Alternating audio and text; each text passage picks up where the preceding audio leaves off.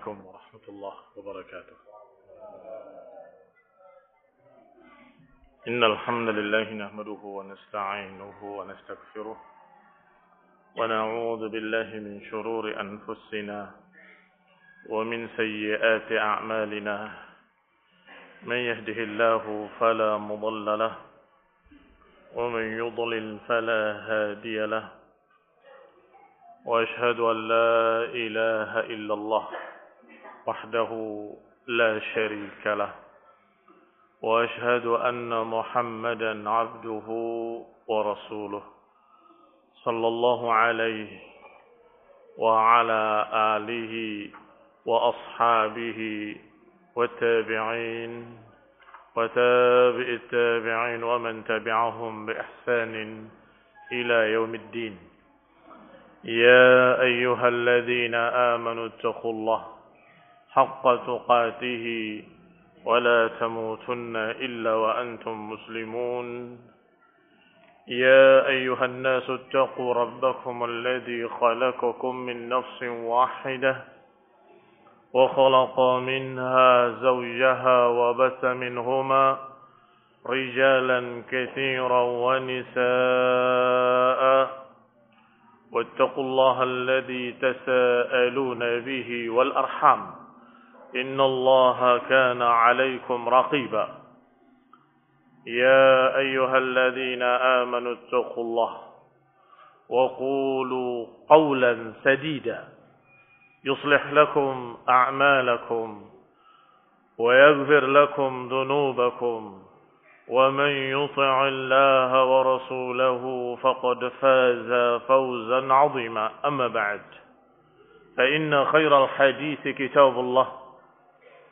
وخير الهدي هدي محمد صلى الله عليه وعلى آله وسلم وشر الأمور محدثاتها فإن كل محدثة بدعة وكل بدعة ضلالة وكل ضلالة في النار.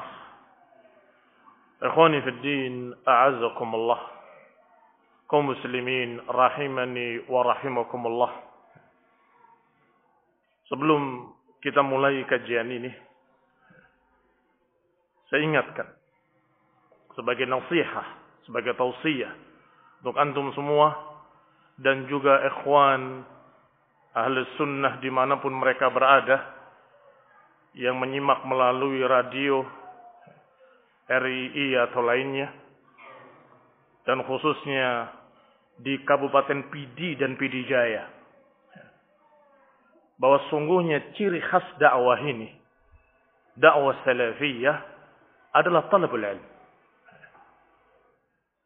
bagaimana dia akan mengaku bahwa kami pengikut salaf kalau kita tidak mengenali jalan salaf kalau kita tidak mengenali akidah mereka prinsip-prinsip mereka maka talabul ilmi adalah sesuatu yang merupakan ciri yang tidak mungkin hilang.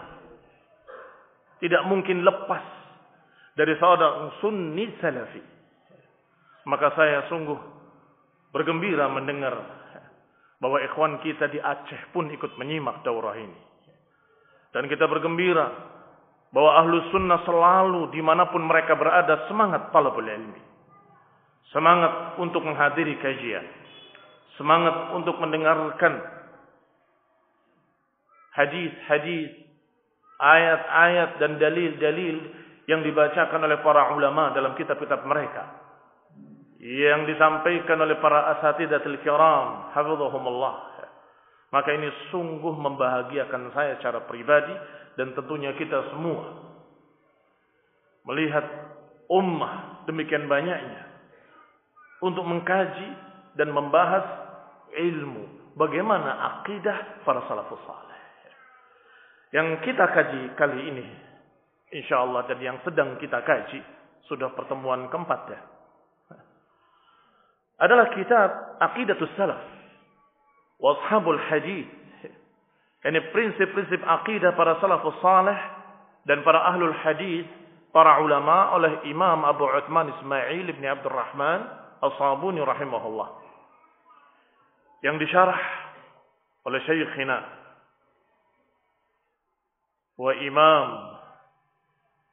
zaman ini yaitu Syekh Rabi' hafizahullah taala wa ra'ah.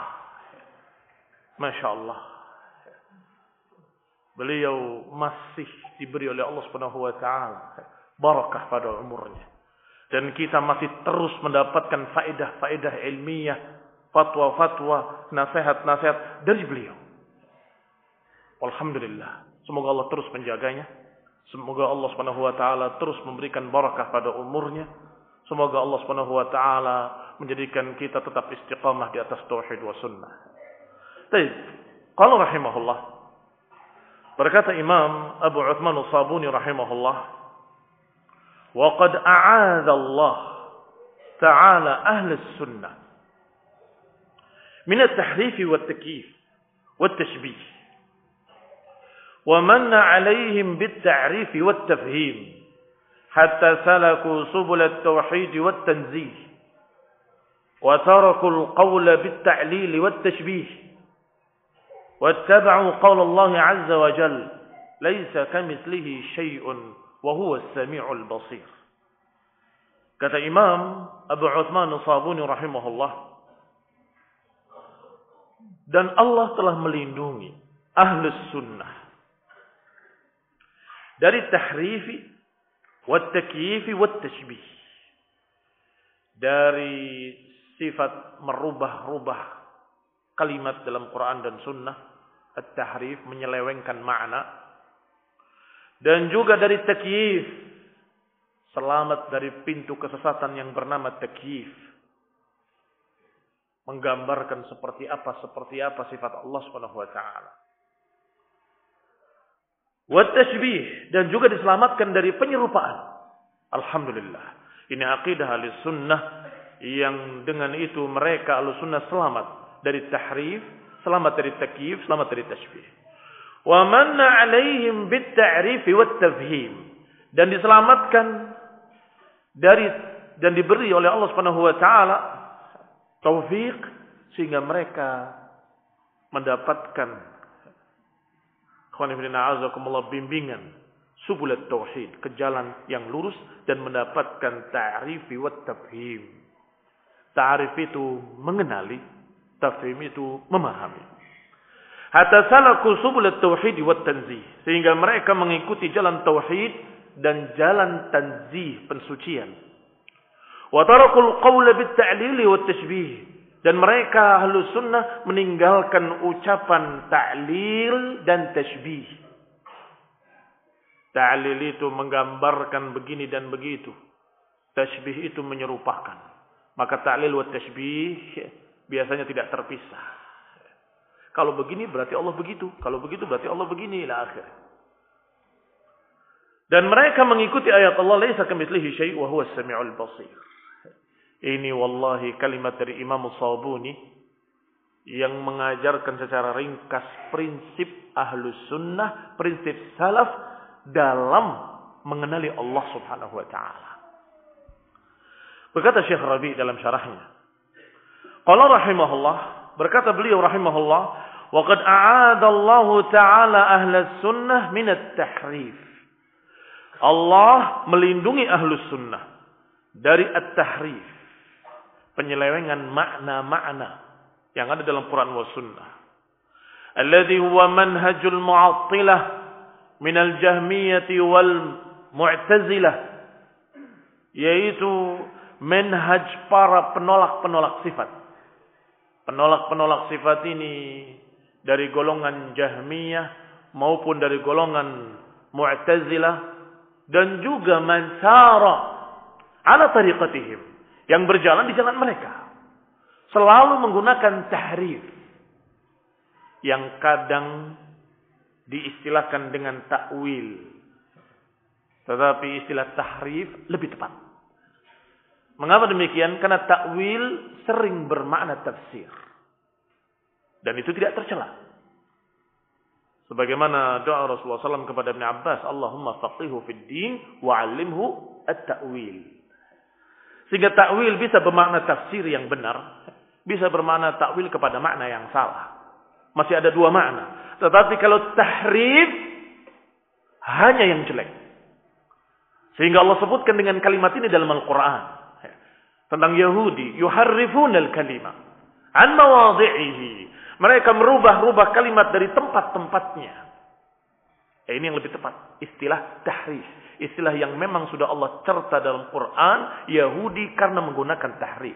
Yuharrifun al-kalima an mawadhi'ihi. Dan itu manhajnya Mu'tazilah dan Jahmiyah. Dan juga yang sejenisnya. Apakah dari muhannasin Mu'tazilah? Manhumul muhannasin dan Mu'tazilah. Mu'tazilah, Mu'tazilah banci. Disebutkan istilah ini oleh Syekhul Islam. Rahimahullah Yaitu Asy'ariyah. Mengambil sebagian, membuang sebagian. Tetapi masih tetap berpemikiran seperti pemikiran Wasil ibn Atha dan pengikut-pengikutnya dari Mu'tazilah. وكذلك أعاد الله الذين اعتصموا بكتابه بسنة نبيه من أن يكونوا على منهج التكييف والتشبيه demikian pula diselamatkan ahlus sunnah dan Syekh Rabi menyebutkan dengan julukan lain yang menerangkan siapa ahlus sunnah Allah selamatkan orang-orang yang i'tasamu bi kitabillah wa sunnati nabiyih Allah selamatkan orang-orang yang berpegang dengan Al-Quran dan sunnah nabinya. Ini ahlu sunnah. Allah selamatkan mereka pula dari takyif itu tashbih. Diselamatkan dari takyif yang mempertanyakan kayak apa dan kayak apa. Wa tashbih dari penyerupaan. Alladhi huwa tariqatul musyabbihah yang merupakan jalannya para musyabbihah golongan yang menyerupakan Allah dengan makhluk. Alladzina yushabbihuna Allah tabaraka wa ta'ala wa yushabbihuna sifatihi wa af'alahu bidawatin wa sifat wa af'alil makhlukin. Yaitu orang-orang yang menyerupakan Allah Subhanahu wa taala dan menyerupakan sifat-sifatnya, perbuatan-perbuatannya dan datnya disamakan dengan perbuatan-perbuatan makhluk, sifat-sifat makhluk, zat makhluk.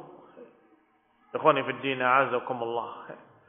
Wa qad naqala Tirmidzi disebutkan oleh Tirmidzi rahimahullah dalam jami'nya menukil dari a'immatil Islam dari para imam-imam ahlus sunnah, imam-imam kaum muslimin. Misal As-Sufyanain, Sufyan Ats-Tsauri wa Sufyan bin Uyainah wal Auza'i wa Malik wa ghairihim dan lain-lainnya. Dari a'immatul Islam menukil dari mereka anna isbatus sifat lahu ala alwajhi laiq bihi laisa fihi tashbih kalau mensifati Allah dengan sifat yang pantas baginya yang Allah sebutkan dalam Quran yang Rasulullah SAW terangkan dalam sunnah maka ini tidak mengandung tashbih ketika membantah musyabbihah Diterangkan bahwa imam-imam ahlus sunnah, para ulama ahlus sunnah, ketika mensucikan Allah dari penyerupaan, tidak menolak sifat. Artinya sifat yang ada yang Allah terangkan dalam Al-Quran tentang dirinya, dan apa yang dijelaskan oleh Rasulullah tentang Rabbnya, maka ahlus sunnah mengimaninya dengan sesuai kemuliaan Allah dan ketinggiannya. Ini tidak ada unsur tasbih. Tidak ada unsur tasbih. Wa innama tashbihu an taqula yadu kayadin wa sam'un ka sam'in wa basarun ka basarin. Amma an nuthbit an-nusus wa tu'min biha 'ala al-wajh al-la'iq billah tabaraka wa ta'ala ma'a nafi al-musyabaha wa at-takyif hadha laysa bit-tashbih. Adapun kalau menukil nas-nas dalam Quran dan Sunnah, tangan Allah di atas tangan mereka. Apa salahnya? Kita tidak menyatakan seperti para musyabbihah, yadun kayadin, sam'un kasam'in, wa basarun kabasarin. Tidak. Itu sudah menyerupakan. Namanya tangan ya tangan. Hati-hati. Kalimat ini sepertinya biasa. Tetapi kalau sudah terkesan seperti kalau dalam bahasa Arab, yadun kayadin, tangan seperti tangan. Maksudnya semua yang namanya tangan sama. Itu bahaya. Hati-hati. Harus menyatakan tangan yang sesuai dengan keagungan Allah Subhanahu wa taala, tidak sama dengan tangan-tangan makhluk. Adapun membaca ayat Allah Subhanahu wa taala dalam Al-Qur'an, Allah menciptakan iblis atau Allah menciptakan uh, mengatakan pada iblis, "Ma mana'aka an tasjud lima khalaqtu bi Apa yang menghalangimu untuk sujud kepada yang aku ciptakan dengan kedua tanganku? Maka ini tidak ada unsur tasbih. Tidak ada unsur tasbih sama sekali. Loh kamu mengatakan Allah punya tangan? Naam, Allah yang menyatakan Allah punya tangan. Loh kamu menyatakan biadaihi? Allah yang menyatakan biadaiya. Mau apa? Ya berarti dengan sama dengan makhluk dong. Tidak, itu kamu. Itu pikiranmu. Berarti sama dengan makhluk. Itu yang tadi kita sebut dengan ta'lil. Ahli sunnah diselamatkan dari ta'lili wa tashbih. Berarti sama dong dengan makhluk. Ini ta'lil. Berarti, berarti, berarti. Tidak. Itu pikiran kamu. Kami ahlu sunnah mengimani bahwa Allah memiliki tangan sesuai dengan apa yang Allah katakan dalam Al-Quran. Walaysa kamislihi syait tetapi tidak serupa dengan tangan apa pun dari makhluk-makhluknya. Tangan siapa pun dari makhluk-makhluknya. Alhamdulillah. Kita tidak menyamakan Allah dengan makhluk. Maka dinukil di sini oleh Syekh Rabi Hafizahullah. Bahwa Tirmizi menukil. Lebih lengkapnya, Tirmizi rahimahullah menukil di dalam kitabnya setelah membawakan hadis dari Rasulullah SAW dalam kitabnya. Inna Allah yaqbalu sadaqata wa ya'khudhuha biyaminih. Allah mengambil sadaqah. Mengambil dengan tangan kanannya. Wa yurabbiyaha. Dan Allah mengembangkannya di tangannya. Ila akhirih. Jahmiyah. Pengikut Jahm bin Safwan Mu'tazilah pengikut Wasil bin Atha menyatakan tidak mungkin Allah Subhanahu wa taala melakukan seperti itu. Kok seperti makhluk? Maka Tirmidzi rahimahullah setelah membawakan hadis ini, qal ahlul ilmi fi hadzal hadis bahwa waqad qala ghairu wahid min ahli ilm tidak satu orang saja dari para ulama yang berkata bahwa hadis ini tidak menyerupakan Allah dengan makhluknya. Hadis ini tidak ada unsur tasbih sama sekali. Waqad nusbitu riwayat fi hadha wa yu'man biha wa yu'min biha la yutawahham wa la yuqalu kaif. Sudah diriwayatkan oleh sekian banyak ulama ahlus sunnah, para imam, imam ahlul hadis. Mereka tidak khawatir ketika meriwayatkannya. Ini hadis menyamakan Allah dengan makhluk. Tidak. Wala. Tidak terpahami dengan salah seperti itu. Semuanya dalam keadaan meriwayatkan dan dalam keadaan yakin Allah tidak sama dengan makhluknya. Ketika Allah mengembangkannya di tangannya tidak sama dengan makhluk yang mengembangkan sesuatu di tangannya, tidak sama. Laisa kamitslihi syai'. Kemudian kata Tirmidzi, hakaza ruwiya an Malik وسفيان بن عيينة وعبد الله بن المبارك أنهم قالوا في هذه الأحاديث bahwa mereka semua berkata dengan kalimat yang sama tentang hadis-hadis yang seperti ini. Kata mereka, Amir ruha kama ja'at. Sampaikanlah sesuai dengan apa adanya. Bila kaif. Tanpa kalimat kayak apa, seperti apa. Wahakada qawlu ahli ilmi min ahli sunnati wal jamaah. Demikian pula ucapan-ucapan para ulama yang lain dari ahli sunnah wal jamaah. Mereka mengucapkan dengan kalimat yang ringkas dan sangat-sangat-sangat membimbing umat. Yaitu kalimat amiruha kama ja'at bila kaif. Lewatilah, sampaikanlah sesuai dengan apa adanya Jangan pakai takwil-takwil. Jangan pakai kalimat yang mempertanyakan seperti apa, seperti apa. Apalagi tashbih. Tidak pula ta'lil. Berarti begini, berarti nggak usah. Kita tetap berpegang dengan ayat laisa kamislihi syai. Pokoknya Allah tidak sama dengan makhluk. Maka ketika Allah mengambil dengan tangannya sedekah dan Allah mengembangkannya menjadi besar, menjadi besar sampai yang tadinya kecil sebiji darah bisa seperti gunung Uhud dalam kelanjutan hadisnya. Wallahu taala a'lam seperti apa, kita tidak tahu dan kita tidak perlu untuk mencari-cari tahu seperti apa, seperti apa. Karena nggak ada yang melihat Allah Subhanahu wa taala. Mau tanya sama siapa? Artinya Allah Subhanahu wa taala memberikan berita tentang dirinya dan kita imani secara global. Rincian kayak apanya Allah tidak kabarkan, maka kita katakan tidak tahu. Dan itu nisful ilm. Kalimat tidak tahu separuh ilmu. Ikhwani fi din azakullah. Kembali kepada ucapan Syekh Rabi hafizahullah.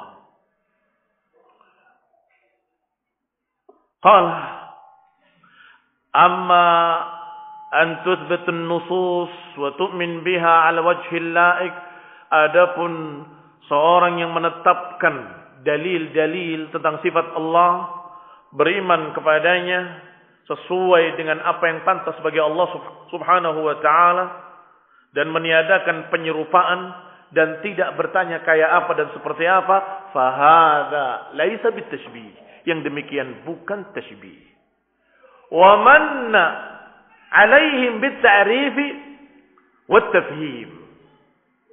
Dan kemudian Allah berikan pada ahli sunnah alladzina i'tasamu bi kitabillah wa sunnati nabiyyi. Allah berikan pada mereka ta'rif wat tafhim Kata Syekh Rabi Hafizahullah, yaqsid wallahu alam, sepertinya beliau meniatkan wallahu taala alam dengan yang dimaksud ta'rif adalah ilmu. Sedangkan tafhim adalah fikihnya. Ilmu dan fikihnya. Dan orang yang dikehendaki oleh Allah dengan kebaikan, Allah akan fakihkan dia dalam agama. Maka ma sara alaihi salaf fi sifatillah, fi ta'amul ma'a sifatillah, Artinya ilmu bagaimana salaf mengimani sifat-sifat Allah dan bagaimana kaidah mereka dalam mengimani sifat-sifat Allah. Sebagaimana kaidah mereka yang masyhur yang dinukil dari para a'immah al-istiwa'u ma'lumun wal kaifu majhul was su'alu anhu bid'ah. Ini diambil dari salaf. Walaupun ada riwayat-riwayat yang sampai ya, marfu tetapi tidak sahih riwayatnya. Ada yang sampai kepada beberapa istri Nabi, kepada beberapa sahabat. Tetapi yang paling masyhur diriwayatkan dari Imam Malik dan Syekhnya Imam Malik. Ikhwani fi din azakumullah. Namanya istiwa. Sudah dipaham? Maknanya tahu. Yaitu tinggi di atas sesuatu. Itu maknanya. Tinggi di atas sesuatu. Itu istiwa. Wal kaif Kayak apanya? Majhul. Tidak digambarkan, tidak diceritakan, tidak disebut dalam Quran wal sunnah. Bagaimana kita akan tahu? Ya jangan ditanya-tanya tentang kayak apa. Pokoknya Allah di atas makhluknya. Di atas arusnya. Selesai. Ini kaidah namanya. Dan ini barakallahu fikum yang dimaksud bit ta'rifi wa tafhim. Ta'rif itu mengenalinya, tafhim itu memahaminya dengan benar. Ada yang mengenali sifat Allah, tetapi memahaminya dengan salah. Maka itu ta'rif biduni tafhim. Sehingga kata Syekh Rabi, "Fana'rif anna lillahi sam'an." Kita kenal bahwa Allah memiliki pendengaran. Wa nafham dan mengenali pula atau mengetahui. Ini fikihnya bahwa tentunya pendengaran Allah sesuai dengan keagungan Allah, sesuai dengan kesempurnaan Allah, tidak akan sama dengan pendengaran makhluk mana pun. Ini faham. Ini ta'rif, ini faham. Demikian pula ketika kita berbicara tentang basar, apa kita katakan? Na'rif anna lillahi basara. Kita kenal bahwa Allah memiliki pandangan, penglihatan. Dan kemudian kita pahami, ditafhim dengan benar. Apa itu? Bahwa penglihatan Allah Pandangan Allah tidak akan sama dengan pandangan makhluk-makhluknya. Mata Allah tidak akan sama dengan mata-mata makhluknya. Karena Allah kadang-kadang menyebutkan dengan kalimat ayun. Bi'ayunina. Dengan mata-mata kami. Kita kenal. Apa maknanya mata? Ya mata. Kita kenal. Tetapi ketika kita pahami dengan salah bahaya. Maka kita katakan mata Allah tidak akan sama dengan matanya makhluk. Wallahu ta'ala alam seperti apa. Yang jelas tidak sama dengan mata manusia. Wala mata makhluk mana pun. Tidak sama dengan mata apa pun. Barakallahu fikum. Hatta salaku subulat tauhid wa tanzih. Kata Imam Sabuni, maka ahlu sunnah dengan pemberian dari Allah tadi diselamatkan dari takyif, diselamatkan dari tahrif, diselamatkan dari tashbih dan kemudian diberi ta'rif wa tafhim. Akhirnya mereka menjalani jalan tauhid wa tanzih. Akhirnya mereka menjalani jalan tauhid wa tanzih. Apa itu tauhid? penetapan sifat-sifat. Tanzih mensucikan dari sifat-sifat yang tidak pantas. Karena tauhid terkandung di dalamnya pengesaan Allah Subhanahu wa taala dalam uluhiyah dan rububiyah dan terkandung pula di dalamnya mengesahkan Allah dalam nama-namanya dan sifat-sifatnya. Maka termasuk tauhid adalah mengimani sifat-sifat Allah dan menyatakan laisa kamislihi syai. Tidak ada yang serupa dengan Allah suatu apa pun. Diterima sifat-sifat Allah dalam Al-Quran. Diterima sifat-sifat Allah yang dijelaskan dalam hadis-hadis sahih. Dan kemudian kita katakan tidak sama dengan makhluk. Ini juga tauhid. Berarti apa tauhid yang dimaksud di sini? Kata Syekh Rabi hafizahullah, ay hatta salaku subul tauhid bihadzal faham bihadzal wa'i dengan cara seperti tadi maka ahlus sunnah menjalani jalan tauhid dan jalan tanzih subul tauhid yakni al isbat kata Syekh Rabi hafizahullah subul tauhid jalan-jalan tauhid maksudnya penetapan sifat tidak menolak sifat isbatu anwa'it tauhid itu adalah penetapan berbagai macam atau tiga macam tauhid yang terkandung dalam la ilaha illallah yaitu mengesahkan Allah dalam uluhiyah, mengesahkan Allah dalam rububiyah dan mengesahkan Allah dalam asma dan sifatnya. Ini menetapkan dan mengimani sifat-sifat Allah. Wa salaku fil waqti nafsih dan di waktu yang sama mereka menjalani pula jalan tanzih. Perhatikan kelompok-kelompok sesat yang sudah disinggung. Mereka selalu kebablasan. Tidak menerima dua-duanya, tapi mereka menerima salah satunya saja. Yang satu menetapkan dengan katanya isbat sifat Allah, menetapkan sifat Allah. Allah punya tangan, ya tangan, seperti kita punya tangan. Kebablasan. Menetapkan Allah punya tangan, tapi menyamakan dengan makhluk. Berarti mereka menetapkan sifat biduni tanzih, tapi tidak mensucikan Allah SWT. Sebaliknya, ada yang ingin mensucikan Allah, kebablasan juga. Dan berkata, bahwa tidak mungkin Allah memiliki sifat yang sama dengan makhluk. Betul apa salah? Kalimat ini masih betul. Tidak mungkin Allah memiliki sifat yang sama dengan makhluk. Mustahil. Maka tidak mungkin Allah punya tangan. Tidak mungkin Allah punya mulai. Mulai kebablasan. Terus ayat ini mau dikemanakan? Hadis ini mau dikemanakan? Mereka menafsirkan bahwa tangan yang dimaksud adalah kekuatan. Allah berbicara tentang tangan itu bukan sekali, bukan dua kali, bukan tiga kali. Berkali-kali. Apalagi ditambah dengan hadis. Dan subhanallah dengan berbagai macam bentuk. Ada yang dengan kalimat khalaqtu biyadayya. Aku ciptakan dengan dua tangan. Ada yang dengan bentuk wal ardu jami'an qabdatuhu Bumi seluruhnya dalam genggaman Allah. Bagaimana itu? Kekuatan menggenggam? Ya tangan. Yang bisa menggenggam. Demikian pula. Lau taqawwala alaina ba'dul aqawil akhadna minhu bil yamin. Kalau dia berani berdusta atas namaku akan aku ambil dengan tangan kananku. Aku putus surat lehernya. Itu juga tangan. Kadang disebut dengan yaminih, kadang disebut dengan qabdatuhu, kadang dengan apalagi dalam hadis wal qulub Baina usbu'aini min asabi'ir rahman. Hati-hati manusia ini di dua jemari Allah. Dan ketika Yahudi datang kepada Rasulullah SAW dan menyatakan ya Rasulullah uh, memanggil dengan apa yang mereka panggil.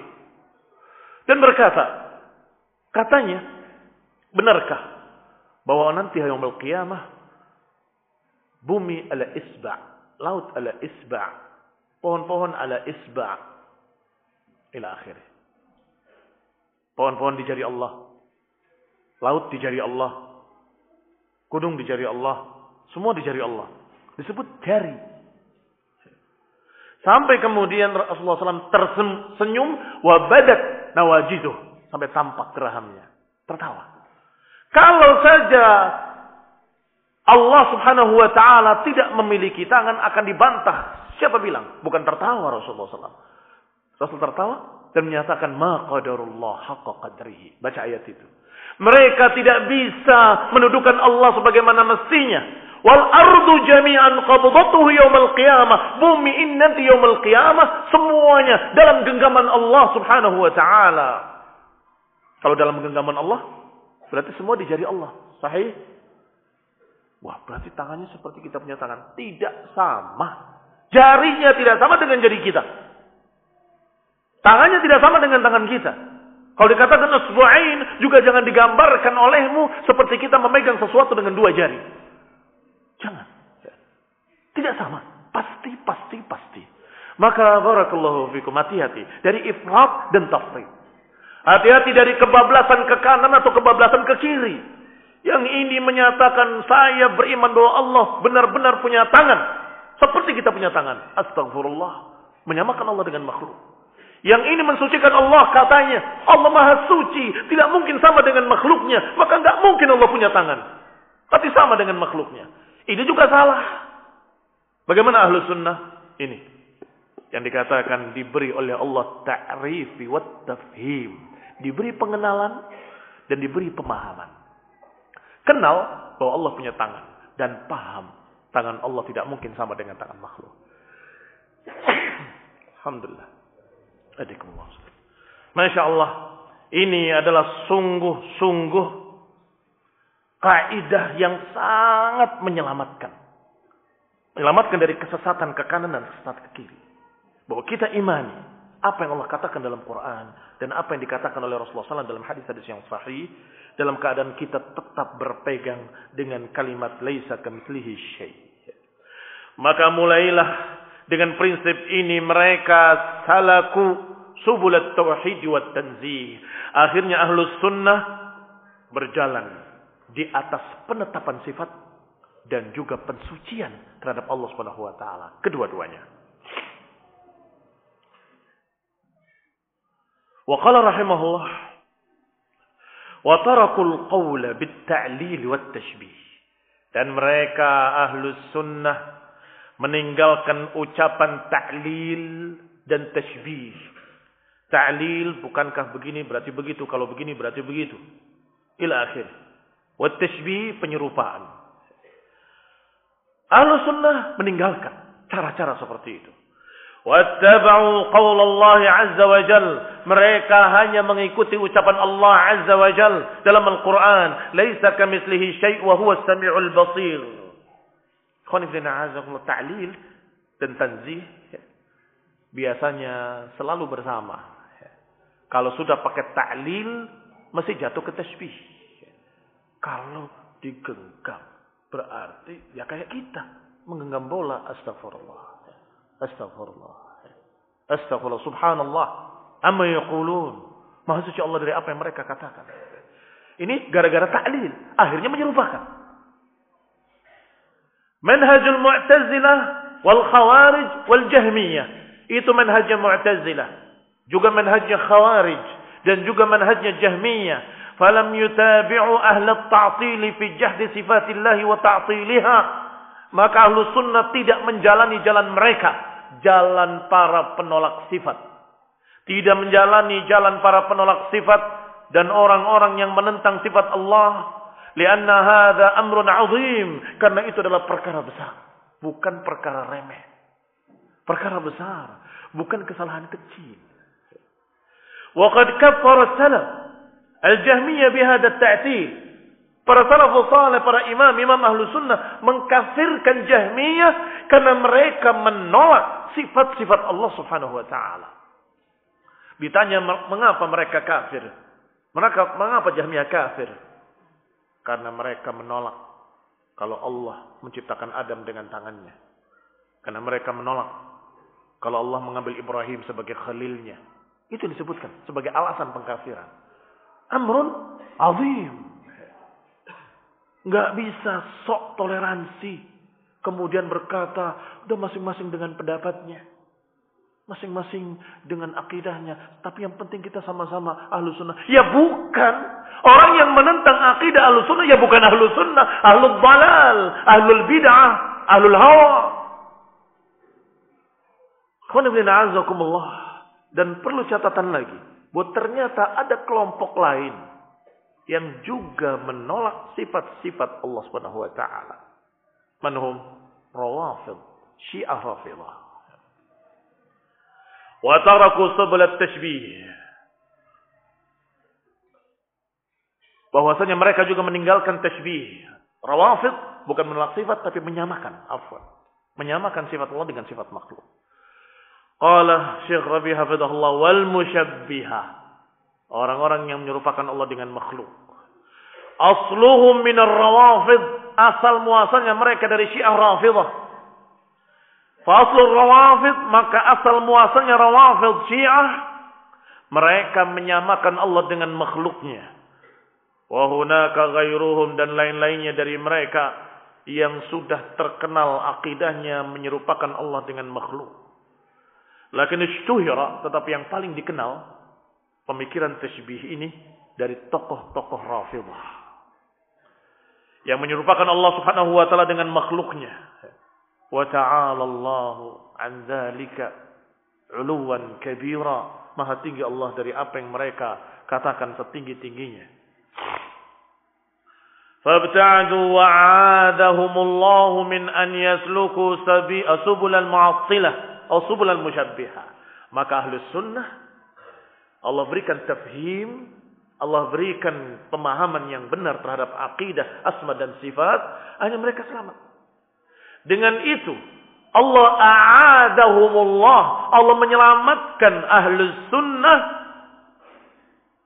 dari penolakan-penolakan sifat dan juga dari penyerupaan-penyerupaan sifat. Dan mereka menetapkan menetapkan apa yang Allah sifatkan dirinya dengannya tabaraka wa taala. Dengan sifatihi laiqah bijalalih.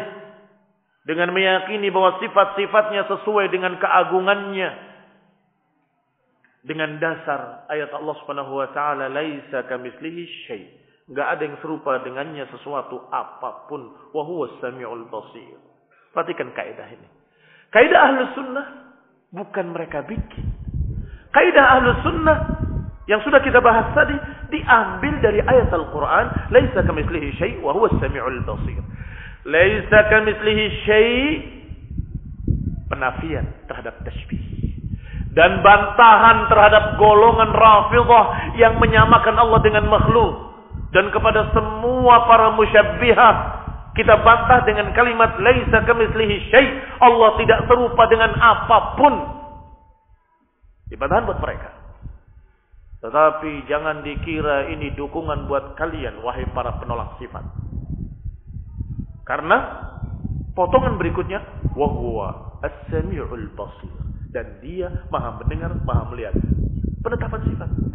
Kalian yang katanya tanzih ingin mensucikan Allah. Tidak mungkin Allah sama dengan makhluknya. Dengan dalil sepotong. Laisa kamislihi syai. Enggak ada yang sama dengan Allah suatu apa pun. Maka tidak mungkin Allah punya tangan. Tidak mungkin Allah punya wajah. Tidak mungkin Allah. Ditolak semua ayat tadi. Bagaimana dengan sami'un basir? Kan ayatnya masih berlanjut. Wahai para mu'attilah. Wahai para penolak sifat. Bukankah ayatnya bukan hanya sampai di situ. Laisa kamislihi syai. Terus titik. Masih ada kelanjutannya. Sami'ul basir. Dan dia maha mendengar lagi maha melihat. Kamu bagaimana kan ini? Kalau itu ya kita terima. Allah memang mendengar. Ya berarti sama dengan makhluk mendengar. Melihat berarti sama dengan makhluk. Mereka bisa menjawab, ya tentunya tidak sama. Pendengaran makhluk dengan pendengaran Allah. Ya kita jawab dengan jawaban yang sama. Terhadap tangan, terhadap wajah, terhadap semua sifat-sifat yang lainnya. Kita jawab dengan jawaban kalian tadi. Yang kalian barusan jawab. Yaitu, tidak sama. Tangan Allah dengan tangan makhluk. Bagaimana pendapat mereka para penolak sifat tentang pendengaran dan penglihatan? Diterima atau tidak diterima? Sebagian besar mereka menerima. Apalagi Asy'ariyah sangat-sangat menerima. Baik, kita tanyakan pada mereka, apa itu tidak membawa penyerupaan? Manusia mendengar, Allah mendengar. Manusia melihat, Allah melihat. Berarti kan ada penyerupaan. Bagaimana jawabmu? Mereka akan menjawab, ya tentunya berbeda. Pendengaran Allah dengan pendengaran makhluk. Pendengaran kita terbatas, pendengaran kita tidak sampai di balik dinding ini apalagi mendengarkan. Sedangkan Allah Maha mendengar bahkan bisikan hati sekalipun Allah Maha mendengar. Masya Allah jawaban kamu bagus. Pakai jawabanmu itu sebagai kaidah terhadap semua sifat-sifat yang lain yang kalian tolak. Kenapa kalian tolak sifat tangan? Ya nanti serupa dengan makhluk. Jawab dengan jawaban tadi. Tangan Allah tidak sama dengan tangan makhluk. Tapi kan disebut jari-jari. Jari Allah tidak sama dengan jari makhluk Bukankah disebut menggenggam? Cara menggenggamnya Allah tidak sama dengan cara menggenggammu atau menggenggamku atau mereka. Tidak sama. Selesai. Jawabanmu tadi pegang sebagai kaidah.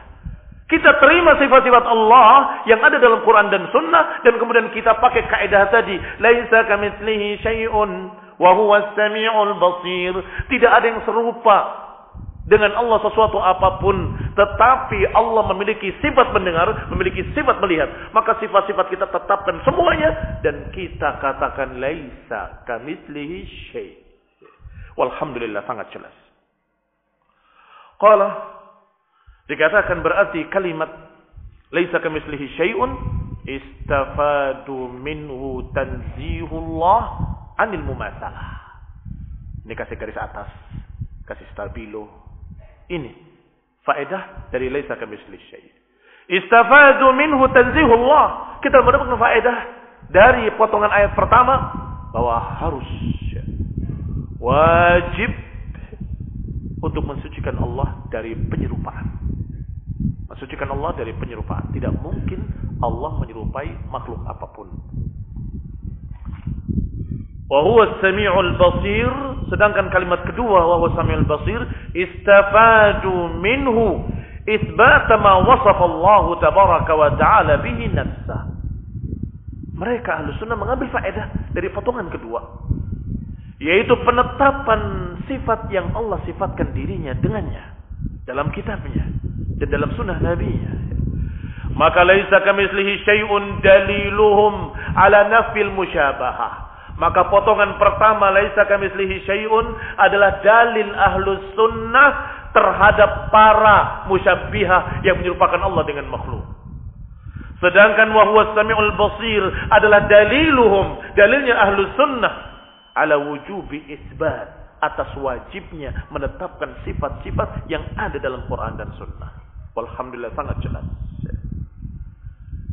Yang pertama, penetapan sifat-sifat harus ala wajhil la'iq. Penetapan sifat-sifat tadi supaya tidak terjerumus dalam penyerupaan, maka kita katakan tentunya sesuai dengan keagungan Allah, dengan kemuliaan Allah.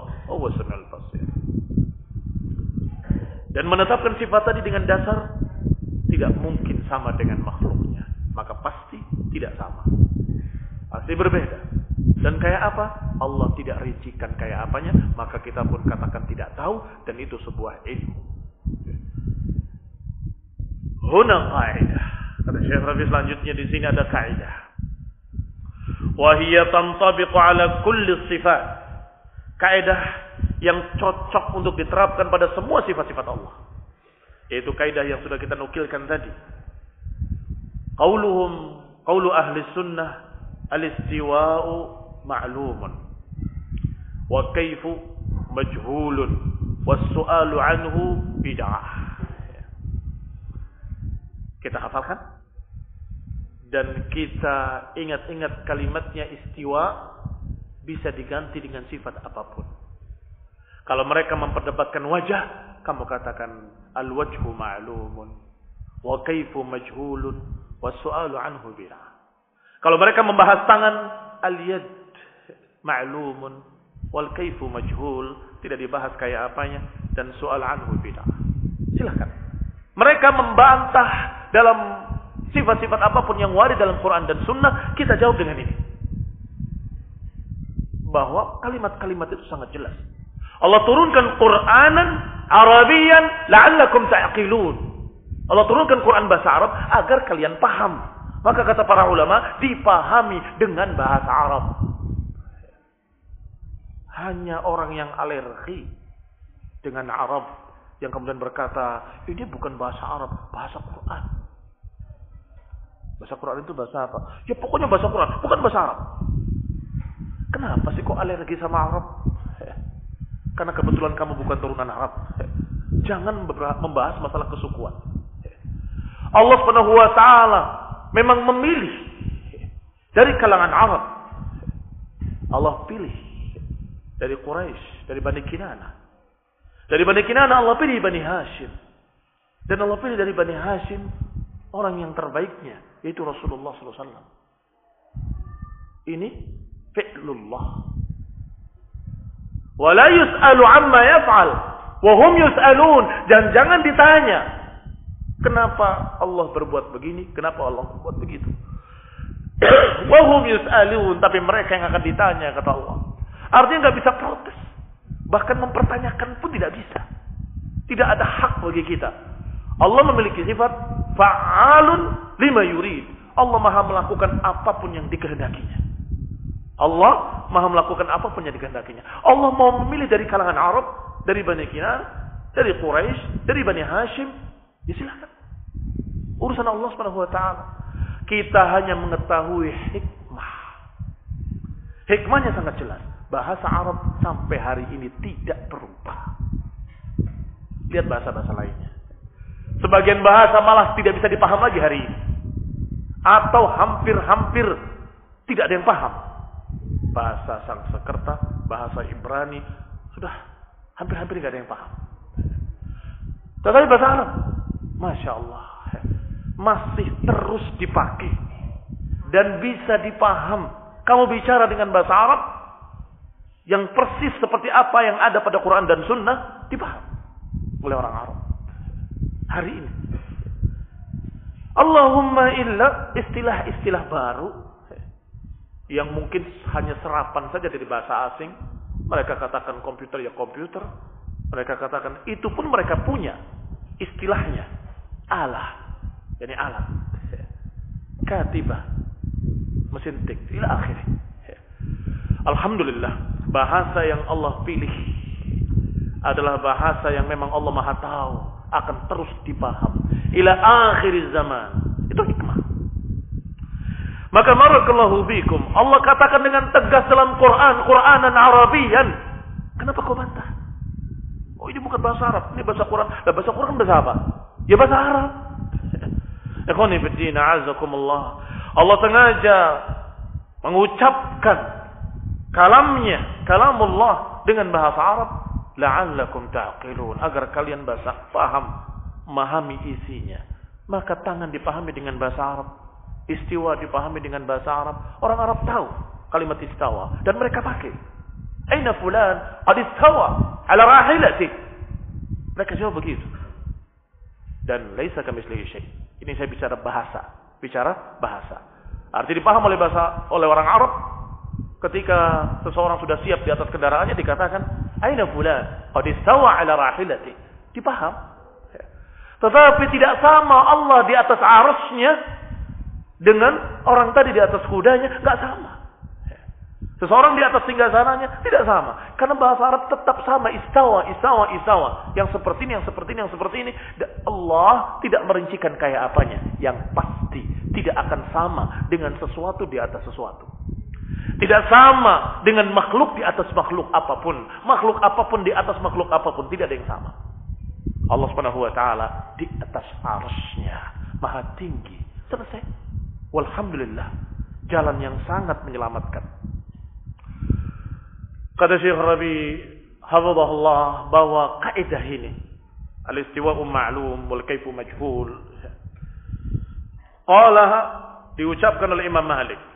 Diucapkan pula sebelumnya oleh syekhnya Rabi'ah dan dikenal dari Malik rahimahullah. Wa dzalika lamma su'ila yaitu ketika Imam Malik ditanya bagaimana istiwanya Allah di atas arasnya. Fa'atraqa. Beliau menundukkan kepalanya hatta alat rahba sampai berkeringat di jidat beliau. Wallahu taala alam. Apakah karena marahnya atau karena takutnya dengan ucapan-ucapan seperti itu. Sehingga hadirin pun khawatir. Imam sepertinya marah. Maka diam semua hening.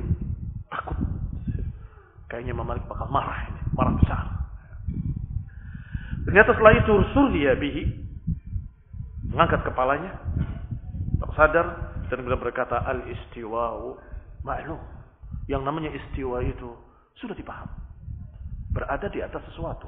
Jadi yang lafaz dari salaf makna istiwa adalah ulu wal irtifa. Ulu wal irtifa. Tetapi kaifiahnya majhul. Kayak apanya? Tidak dipaham.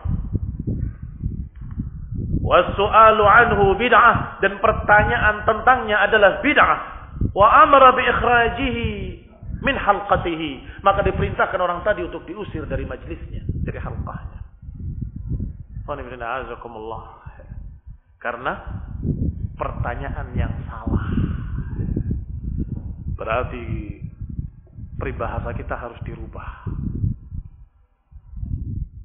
Apa salahnya orang bertanya? Ada yang salah. Yaitu kalau bertanya tentang takif. Orang tanya kan tidak salah. Ada yang salah. Kalau bertanya tentang sesuatu yang mustahil untuk dijawab. Kayak apa Allah? Eh, siapa yang mau jawab? Kayak apa tangannya? Kayak apa di atas arasnya? Kayak apa? Kayak apa? Kayak apa? Maka saya mengkritik terjemahan seseorang. Terjemahan kitab kita ini. Akidatul Salaf. Disebutkan terjemahan istiwa tadi bersila. Allah bersila. Di atas arasnya. Padahal makna istawa adalah ulu wal irtifa. Itu yang disebut dari salaf. Kau muslimin rahimani wa rahimakumullah. Qala li'annana na'rifu min lughatil Arab. Kata Syekh Rabi, kenapa kaidahnya seperti itu? Karena kita tahu dari bahasa Arab. Wa min lughatil Quran, dari bahasa Quran. Bahasa Quran, bahasa Arab. Wa fahmi sahabat. Dan kita pahami pula dari pemahaman para sahabat. Wal kaifu majhulun was su'alu anhu bid'ah Wa ma araka illa mubtadi'a. Disebutkan pula dengan kalimat kaif majhul. Kayak apanya tidak diketahui. Pertanyaan tentangnya adalah bid'ah. Dan aku lihat engkau ini mubtadi'. Kemudian diperintahkan untuk diusir. Biasanya pertanyaan-pertanyaan seperti ini bukan pertanyaan. Tetapi mempertanyakan. Apa bedanya?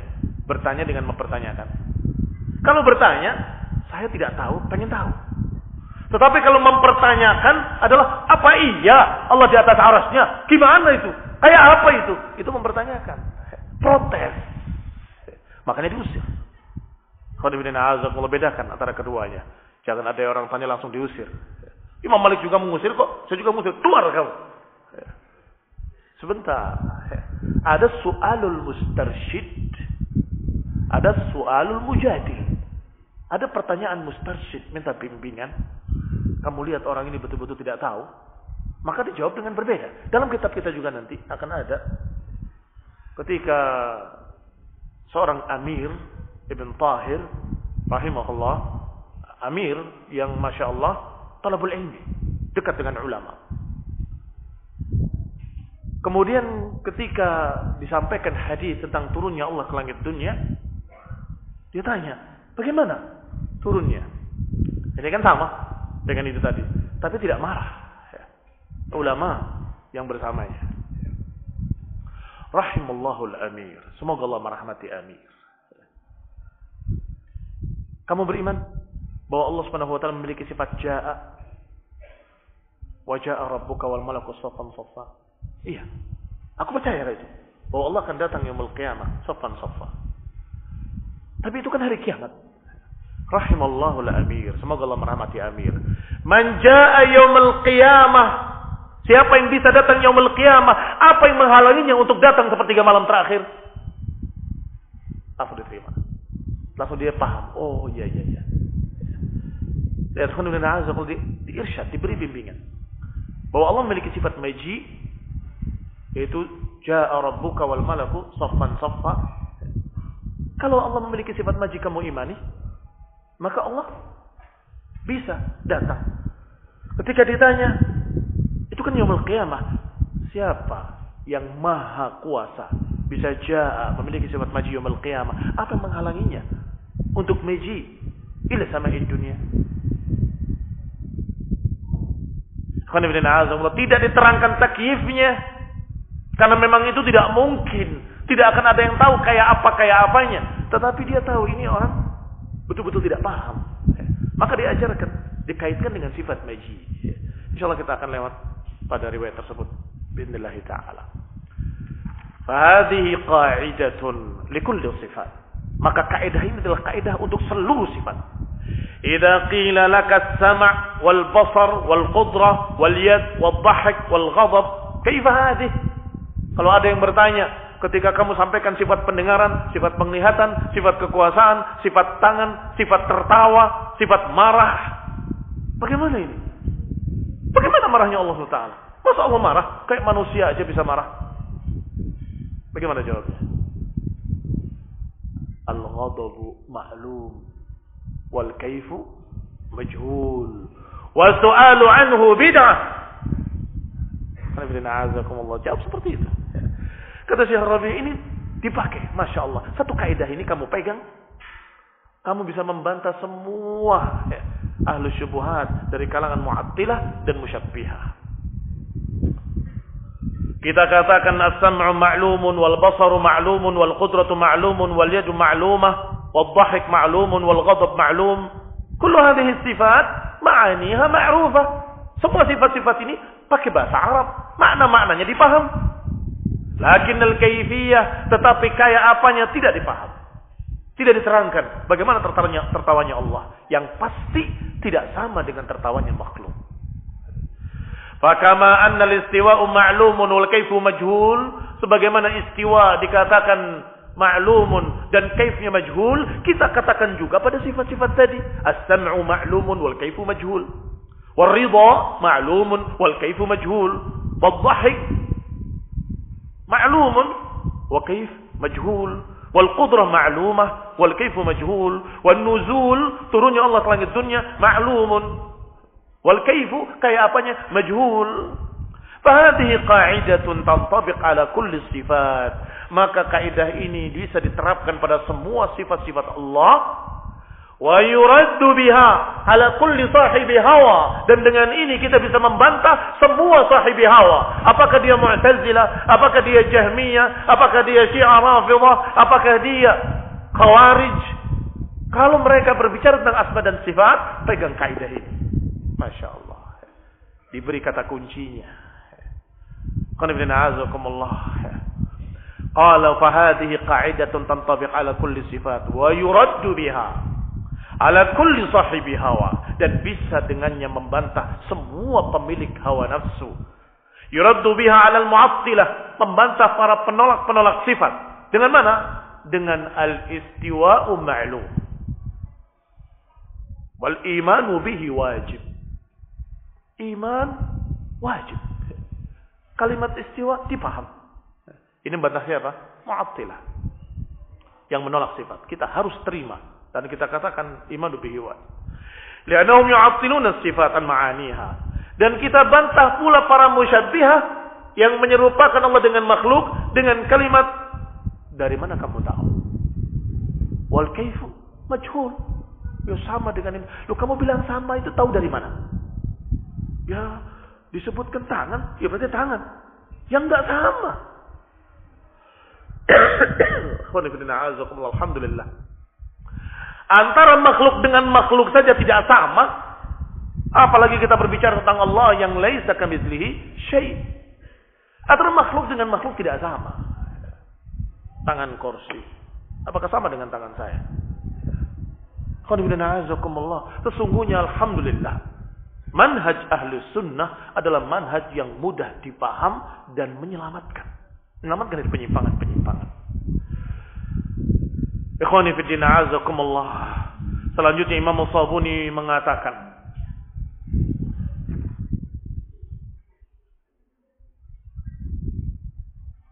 Wa kama warada al-Qur'anu bi dzikril yadain. Dan sebagaimana disebutkan dalam Al-Qur'an penyebutan tentang tangan atau dua tangan. Allah sebutkan lima khalaqtu biyadayya. Dan juga Allah sebutkan bal yadahu mabsutatani. Bahkan kedua tangan Allah terbuka. Allah memberikan atau mengeluarkan, memberikan infak kepada siapa yang dikehendakinya. Waratan akhbar sihah. Diriwayatkan pula dalam riwayat-riwayat yang sahih. Sebutan tentang tangan. Kekhabari mahajati Musa Adam. Seperti hadis tentang perbincangan antara Musa dengan Adam. Dikatakan oleh Musa kepada Adam, "Khalaqakallahu biyadih." Bukankah Allah menciptakan engkau dengan tangannya? Wa asjadalaka malaikat. Dan mensujudkan atau menyuruh sujud para malaikat kepadamu. Atau seperti hadis, "La aj'alu salihi dzurriyyati man khalaqtuhu biyadayya kaman qultu lahu kun fayakun." Hadis Qudsi. Allah berfirman Aku tidak akan samakan orang-orang saleh dari keturunan yang aku ciptakan dengan tanganku kata Allah. Dengan kedua tanganku tidak akan aku samakan dengan yang aku ciptakan dengan kun fayakun semua diciptakan dengan kun fayakun tetapi ada yang diciptakan dengan tangan Allah, ada yang hanya Allah katakan jadilah, maka jadilah dia. Adam alaihissalam diciptakan dengan tangan Allah. Setelah terbentuk, maka kemudian iblis melihat dan mengelilinginya. Kalau dia dijadikan di atasku, aku akan tentang dia. Kalau jadikan di bawahku, aku akan injak dia. Ila akhir. Sudah ada dendam pada iblis sebelum ditiupkan ruh. Masih dalam bentuk manusia belum ditiupkan ruh. Maka ketika ditiupkan ruh dan kemudian disuruh menghormati Adam dengan sujud penghormatan, maka semuanya sujud illa iblis yang sudah bertekad dengan hasad dan dengki, kalau di atasku aku akan membangkang. Fa'aba wastakbara wa kana minal kafirin. Ala kulli. Riwayat-riwayat ini menyebutkan tangan Allah menciptakan Adam. Maka kata Syekh hafizahullah taala wa ra'ah wa kama warada al-Qur'an bi dzikril yadaini ila akhirih yaitu dalam ucapan Allah lam khalaqtu bi yadayya wa qawluhu bal yadahu mabsutatan ay fa kama thabata hadza fil Qur'an yakni seperti tersebutnya sifat ini dalam Quran berarti mulai Imam Al-Sabuni setelah mengajarkan kaedahnya membawa contohnya sekarang Pertama, tangan dengan rinci. Karena tangan yang sering ditolak oleh para mu'attilah. Biasanya sifat mendengar, sifat melihat mereka terima. Tapi ketika sifat tangan, mereka tolak. Maka disebutkan sebagai contoh oleh Imam Sabuni rahimahullah. Kama sabata hadha fil Qur'ani aydan. Yani sebagaimana disebutkan pula dalam Al-Quran. Dan disebutkan pula dalam sunnah penetapan adanya sifat tangan bagi Allah Subhanahu wa taala. Wallah azza wa jal qad amara rasulahu alaihi salatu wassalam an yubayyin linnas. Dan Allah sudah suruh hambanya dan rasulnya Nabi kita Nabi Muhammad SAW untuk menerangkan. Dalam ayat litubayyina linnasi ma nuzzila.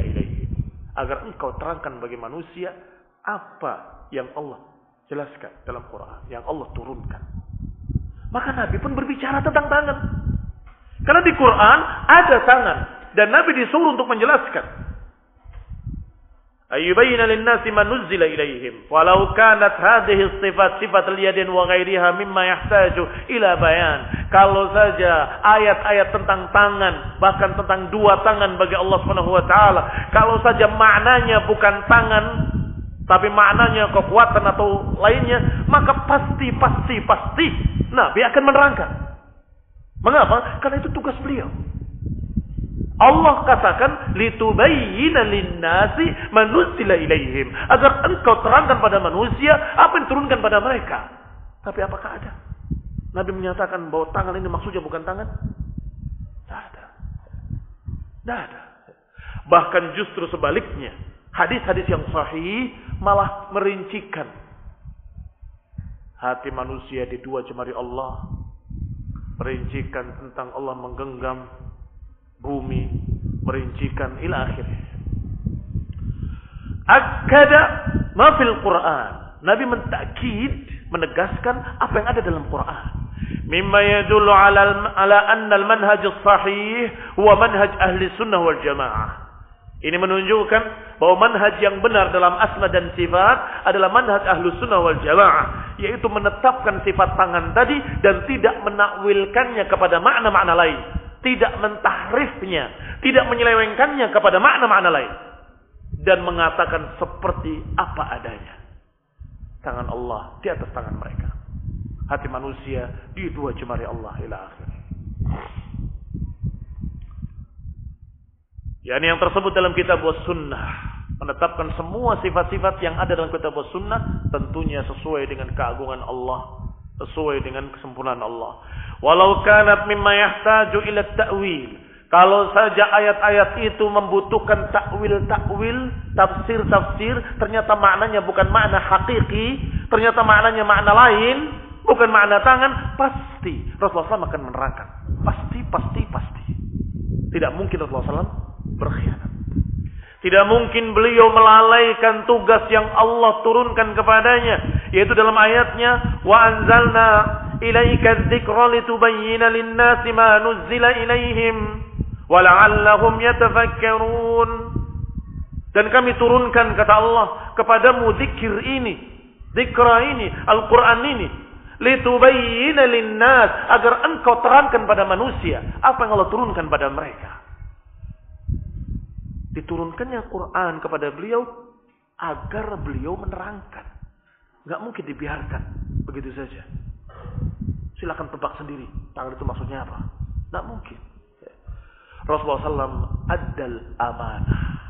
Menunaikan amanah. Rasulullah SAW balagha risalah. Menyampaikan risalah. Sallallahu alaihi wa ala alihi wasallam. Sebagaimana Rasulullah SAW menerangkan hukum-hukum salat. Allah katakan aqimus salah, aqimus salah, wa tuqimus salah. Sekian kali sebutkan salat. Bagaimana rinciannya? Rasulullah SAW yang merincikan. Begini caranya. Dimulai dengan takbir, diakhiri dengan salam. Ada berdiri, ada ruku, ada sujud, dan ada bacaannya, zikir-zikirnya ila akhir. Demikian pula zakat. Allah katakan wa tu'tu zakah wa tu'tu zakah. Ternyata diterangkan oleh Nabi dengan rincian. Yaitu yang sudah sampai nisab. Yang sudah lewat satu haul. Yang begini, yang begini, yang begini. Ada yang terkena zakatnya dan ada yang tidak terkena zakat. Walhamdulillah. Adal amanah wa risalah. Nabi menunaikan amanah dan menyampaikan risalah, yaitu menerangkan Al-Qur'an bilisanihi wa fi'lihi dengan ucapannya dan dengan perbuatannya. Semuanya menerangkan Al-Qur'an. Sallallahu alaihi wa ala alihi wasallam ila akhiri hatta al-haid wan nifas sampai masalah haid, masalah nifas dibahas. Hada al-amr. La yubayyinu.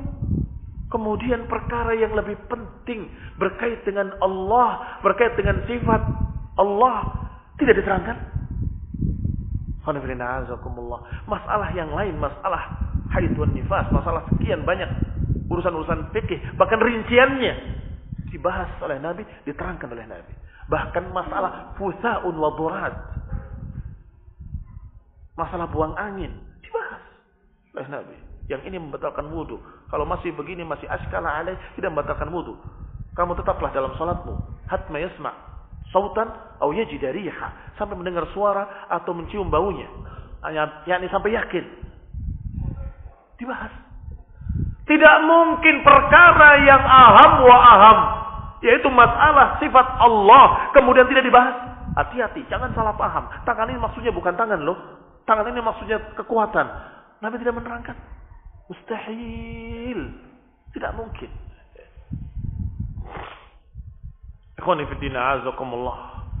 Dari mana kita menyatakan bahwa asma sifat itu adalah perkara yang sangat penting? Karena ayat yang disebutkan a'zamu ayatin fi kitabillah ternyata isinya asma dan sifat. Apa a'zamu ayatin fi kitabillah? A'zamu ayatin fi kitabillah ayat kursi. Allahu la ilaha illa huwal hayyul qayyum la ta'khudhuhu sinatun wa la nawm fis samawati wa ma fil ard man dhal ladhi yashfa'u 'indahu illa bi idnihi يعلم ما بين أيديهم وما خلفهم ولا يحيطون بشيء من علمه إلا بما شاء إلى آخر apa isinya? Ada pembahasan masalah fikih? Ada. Tentang Allah dan sifat-sifatnya diterangkan di sana. Tapi dikatakan a'zamu ayatin fi kitabillah. Maka ikhwan ibn a'azakumullah mustahil. Nabi menerangkan rincian-rincian fikih furu'iyahnya masalah usul, masalah aqidah, masalah-masalah yang prinsip tidak diterangkan. Tidak mungkin. Kalau memang maksudnya bukan tangan, pasti Rasulullah akan menerangkan. Laisa kama ta'nun. Laisa alladhi taqulun. Sebagaimana ketika para sahabat salah paham dengan alladzina amanu wa lam yalbisu imanahum bidzulmin syaqqa alaihim. Ketika turun ayat Siapa yang beriman dan tidak mencampuri imannya dengan kedoliman, dia akan mendapatkan al-amnu wal ihtida. Al-amnu wa hum. Para sahabat merasa berat. Siapa yang tidak pernah mencampuri imannya dengan dosa-dosa? Karena memahami kedoliman itu dosa-dosa. Nabi mengatakan laisa kalladzi ta'nun. Dalam riwayat laisa kalladzi taqulun. Atau kama qala sallallahu alaihi wa ala alihi wasallam. Diterangkan kesalahpahaman mereka diluruskan. Bukan, bukan seperti yang kalian pahami. Kalau saja ketika para sahabat bicara tangan-tangan kemudian terkesan tangan hakiki, mereka akan berkata, Rasulullah akan berkata, "Laisa kama taqulun." Tidak seperti yang kamu katakan bahwa Allah tidak punya tangan. Itu bukan tangan maknanya. Pasti akan diterangkan. Tapi karena Rasulullah SAW juga menetapkan Allah punya tangan, maka para sahabat berbicara tangan pun dibiarkan. Karena memang Allah SWT memiliki tangan. Tetapi mereka semua mengikuti Rasulullah SAW. Mengikuti ayat Al-Quran. Laisa kami sendiri syai. Tidak serupa tangannya dengan tangan apa pun. Tangannya sesuai dengan keagungannya. Dengan kemuliaannya. Dengan ketinggiannya. Kayak apa? Tidak tahu. Karena tidak diterangkan rinciannya. Al-kaifu majhul. Wal yadu ma'lum. Wal kaifu majhul. Wa su'alu anhu bid'ah. Maka jangan berpikir bertanya-tanya kayak apa tangannya, kayak apa tangannya. Mungkin begini, mungkin begini. Jangan. Ya. Pasti akan salah. Pasti akan salah. Karena manusia kalau memikirkan dan membayangkan adalah apa yang sudah ada dalam file. Ya Pak ya. Dan apa yang sudah ada dalam file-file kita di otak kita adalah apa yang sudah kita lihat dengan mata, apa yang sudah kita dengar, itu yang kita tahu. Yang selebihnya kita tidak pernah tahu. Maka bahaya sekali kalau membayangkan. Pasti yang terbayang makhluk.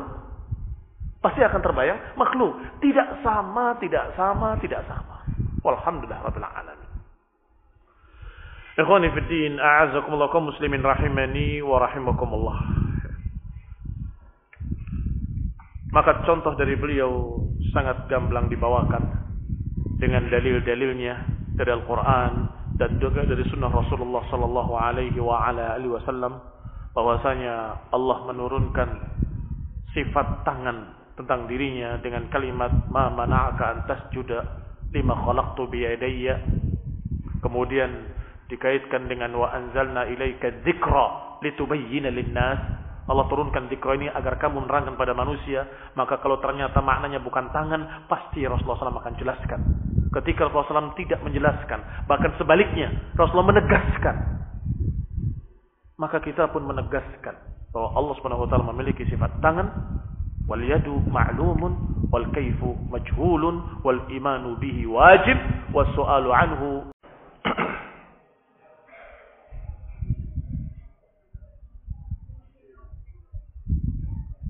Ada pertanyaan?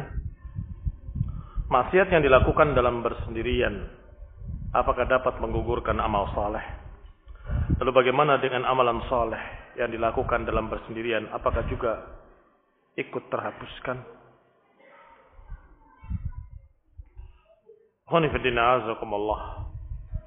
Ada beberapa kemaksiatan yang menggugurkan amalan. Seperti riak menggugurkan amalan yang dicampuri ria. Ada pula yang menghapus secara keseluruhan, yaitu kesyirikan. Lain asyrakta, la yahbatanna amaluk. Kalau engkau berbuat syirik akan gugur semua amalan-amalanmu. Dan ada beberapa dosa-dosa yang menggugurkan amalan-amalan. Artinya tidak semua dosa menggugurkan amalan. Seperti ketika Allah Subhanahu wa taala berfirman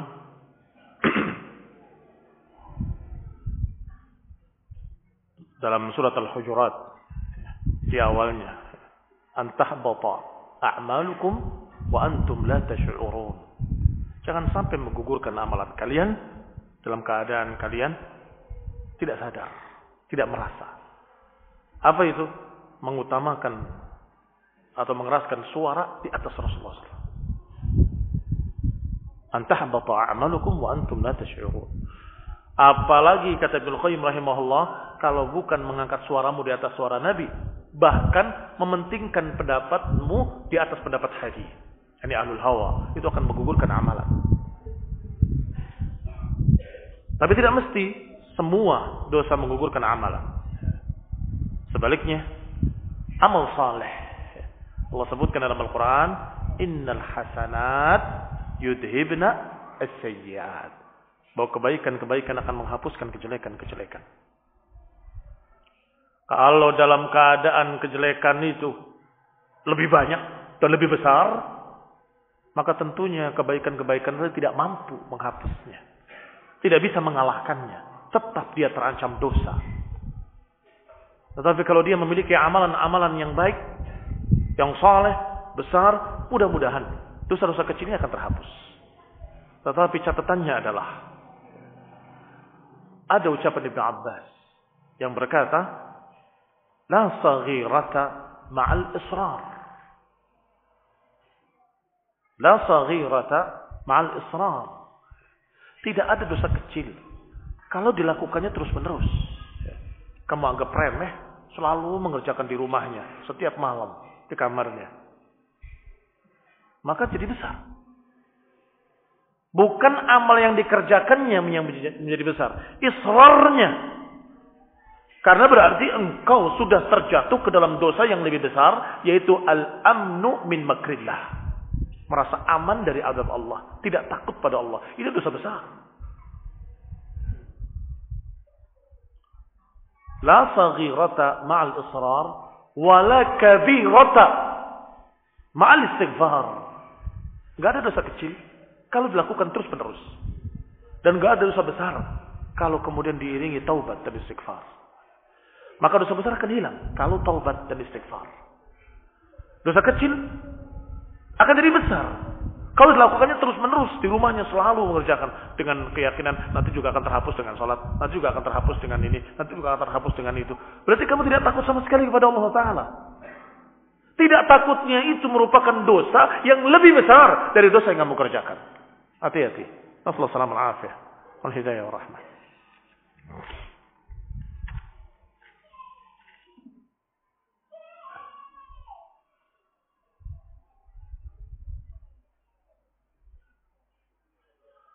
Bagaimana sikap kita terhadap orang awam yang mengikuti ahli bidah? Kita sikapi seperti orang awam. Artinya kalau kita bisa mendakwahi mereka, dakwahi mereka. Kalau ternyata tidak mampu, bahkan kamu khawatir tentang dirimu, menjauh. Fahjurhum hajran jamila. Jauhi dengan baik. Maaf, Sa. Saya punya kesibukan. Maaf ya, Pak. Selesai. Karena orang awal.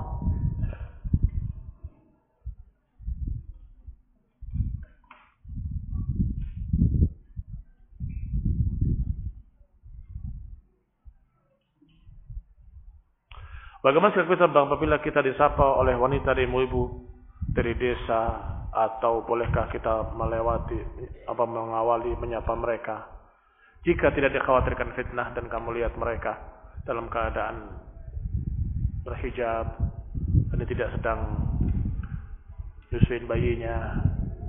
Jadi namanya wanita kampung kan tidak mengerti. Jadi fitnah kalau kamu malah menyapanya kamu berpaling ke arah lain kalau mereka memberikan salam, jawab. Waalaikumsalam. Laki-laki maupun perempuan, anak kecil maupun dewasa. Jawab.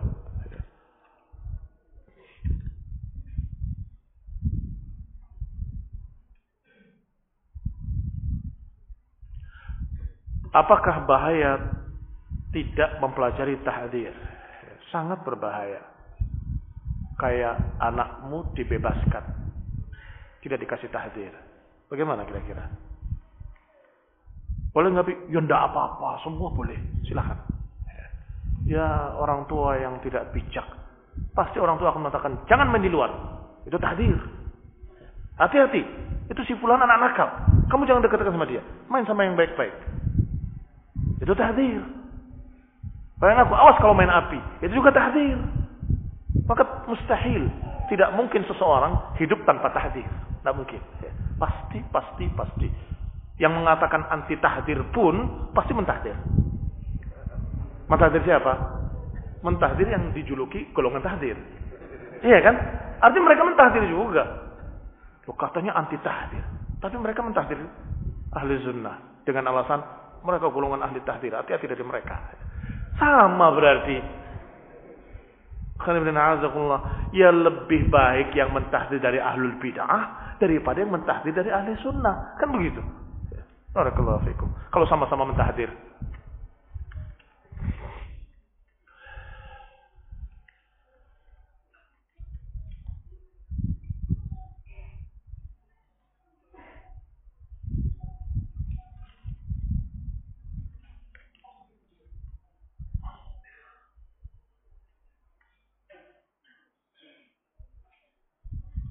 Saya hidup di desa.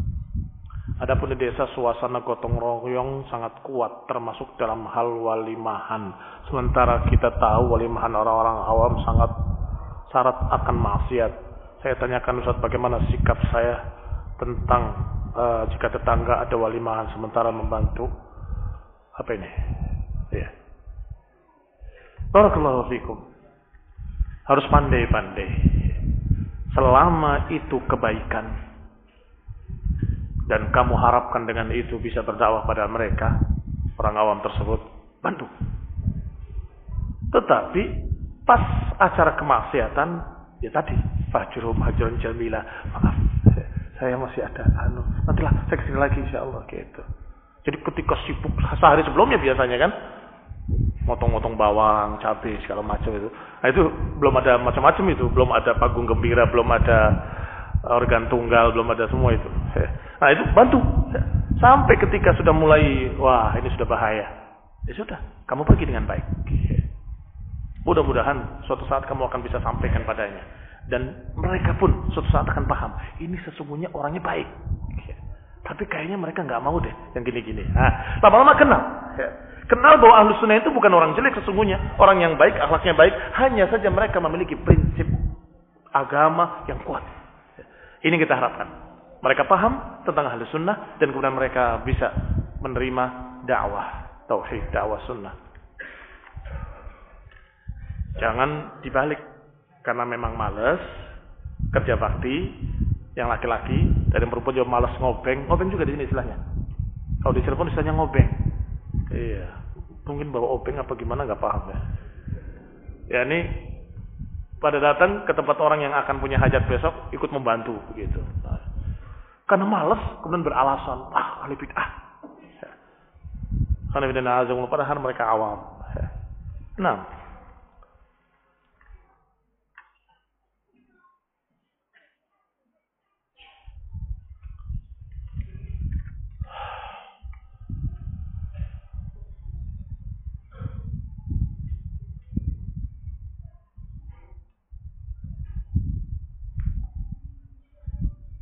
Bagaimana menjawab syubhat yang dimunculkan oleh dai yang bernama Adi Hidayat yang mengatakan tidak mungkin Allah turun ke langit dunia karena waktu malam dunia berbeda-beda dan juga mengatakan bahwa Allah tidak mungkin bersifat nisyan, lupa.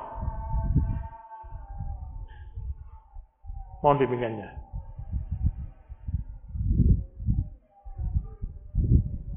Yang kedua memang Allah tidak memiliki sifat nisyan. Beda kalau Allah sengaja melupakan. Itu bukan bukan lupa. Masa kalian bisa tinggal bisa membedakan antara keduanya secara bahasa? Lupa dengan melupakan. Nasullaha fanasiyahum. Mereka melupakan Allah, maka Allah pun melupakan mereka. Sama ketika orang yang dibangkitkan dalam keadaan buta. Rabbi, Lima hasyartani a'ma wa qad kuntu basira. Ya Rabb, kenapa aku dibangkitkan dalam keadaan buta? Padahal aku di dunia dalam keadaan melihat. Kadzalika atatka ayatuna fanasitaha. Fakadzalika al-yawma tunsa. Ya, demikianlah. Ketika kamu di dunia didatangi ayat-ayat kami, kamu lupakan, maka sekarang kamu dilupakan. Kalau sengaja, sengaja, maka itu bukan lupa. Allah tidak memiliki sifat lupa. Barakallahu fikum. Adapun yang pertama, bagaimana kita menjawab? Kita jawab bahwa sifat nuzul ma'lum wal kaifu majhul was su'alu anhu bid'ah. Kita jawab. Wahai adi hidayat, berarti engkau sudah memperkirakan dan menerangkan begini turunnya, begitu turunnya. Dari mana kamu tahu? Tanya begitu. Ya saya tidak tahu. Nah, itu lebih baik. Saya tidak tahu kayak bagaimana turunnya. Selesai. Kalau kamu menerangkan turunnya begini, begini, begini, akhirnya kamu bingung sendiri, stres. Turun seperti malam. Kemudian seperti malamnya bergeser. Sebentar di sini, sebentar di sana. Berarti, berarti, berarti. Itu yang disebut taklil. Sudah diulang tadi. Ta'lil wa tashbih. Saya katakan ta'lil dengan tasbih ini hampir tidak terpisahkan. Kalau sudah mengatakan bukankah, bukankah, bukankah, berarti, berarti, berarti. Kalau turun berarti begini. Itu kamu sudah menerangkan tentang kaifiyah. Kalau menerangkan kaifiyah, ujung-ujungnya akan sesat. Akan menyatakan berarti Allah tidak punya sifat. Atau sebaliknya. Berarti Allah sama dengan makhluk ila akhirih. Astagfirullah. Ini azakumullah akibat ta'lil. Maka stop Stop. Jangan berbicara berarti kalau begini berarti jangan. Sebab turunnya Allah tidak sama dengan turunnya makhluk. Kamu, wahai adik hidayat, sedang berpikir turunnya dirimu sendiri mungkin. Nah, kayak Gatot Koco turun. Habis itu turun di sebelahnya, turun sebelahnya. Akhirnya terus di bumi terus. Harusnya kosong dong. Yaitu kalau Gatot Koco. Allah tidak sama dengan makhluk. Allah tidak sama dengan burung. Allah tidak sama dengan gatot kocok kalau ada. Itu juga khayal. Tidak sama dengan makhluknya barakallahu fikum. Dan Allah maha besar. Allah maha besar. hati-hati. Jangan terbawa untuk berbicara takhif. Ini sudah masuk dalam takhif.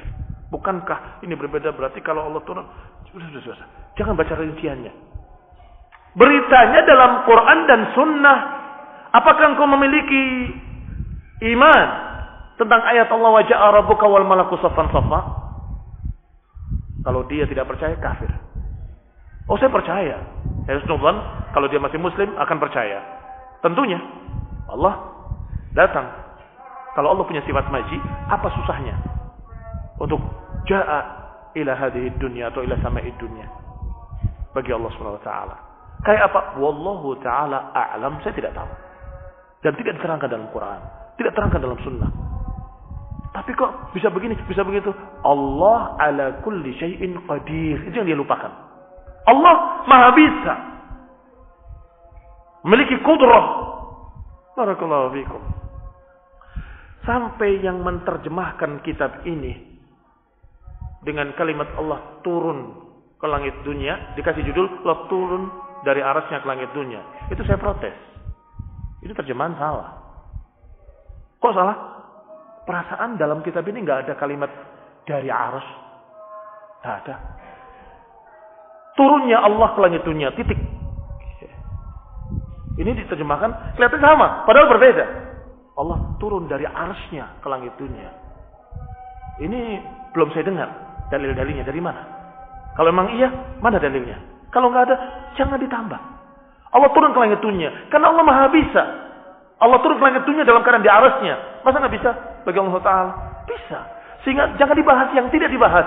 Di Quran tidak dibahas, di hadis tidak dibahas, jangan dibahas. Wallahu taala a'lam bissawab. Nanti kesan seperti tadi itu. Berarti Allah di dunia terus arasnya kosong. Loh, memang ada lafaz seperti itu. Allah meninggalkan arasnya. Enggak ada. Ya sudah dari mana kamu tahu? Wallahu taala a'lam. Barakallahu fikum. Saya tidak tahu. Dan tidak ada dalam dalil-dalil. Maka kita katakan tidak tahu itu adalah sesuatu dari ilmu. Bahwa itu tidak dibahas. Rincian kayak apanya. Adapun turunnya mutawatir. Kalau engkau menentang turunnya Allah langit dunia, berarti engkau menentang sekian banyak hadis-hadis yang sahih. Wallahu taala a'lam. Subhanakallahumma hamdik, asyhadu an la ilaha illa anta astaghfiruka wa atubu ilaik. Wassalamu alaikum warahmatullahi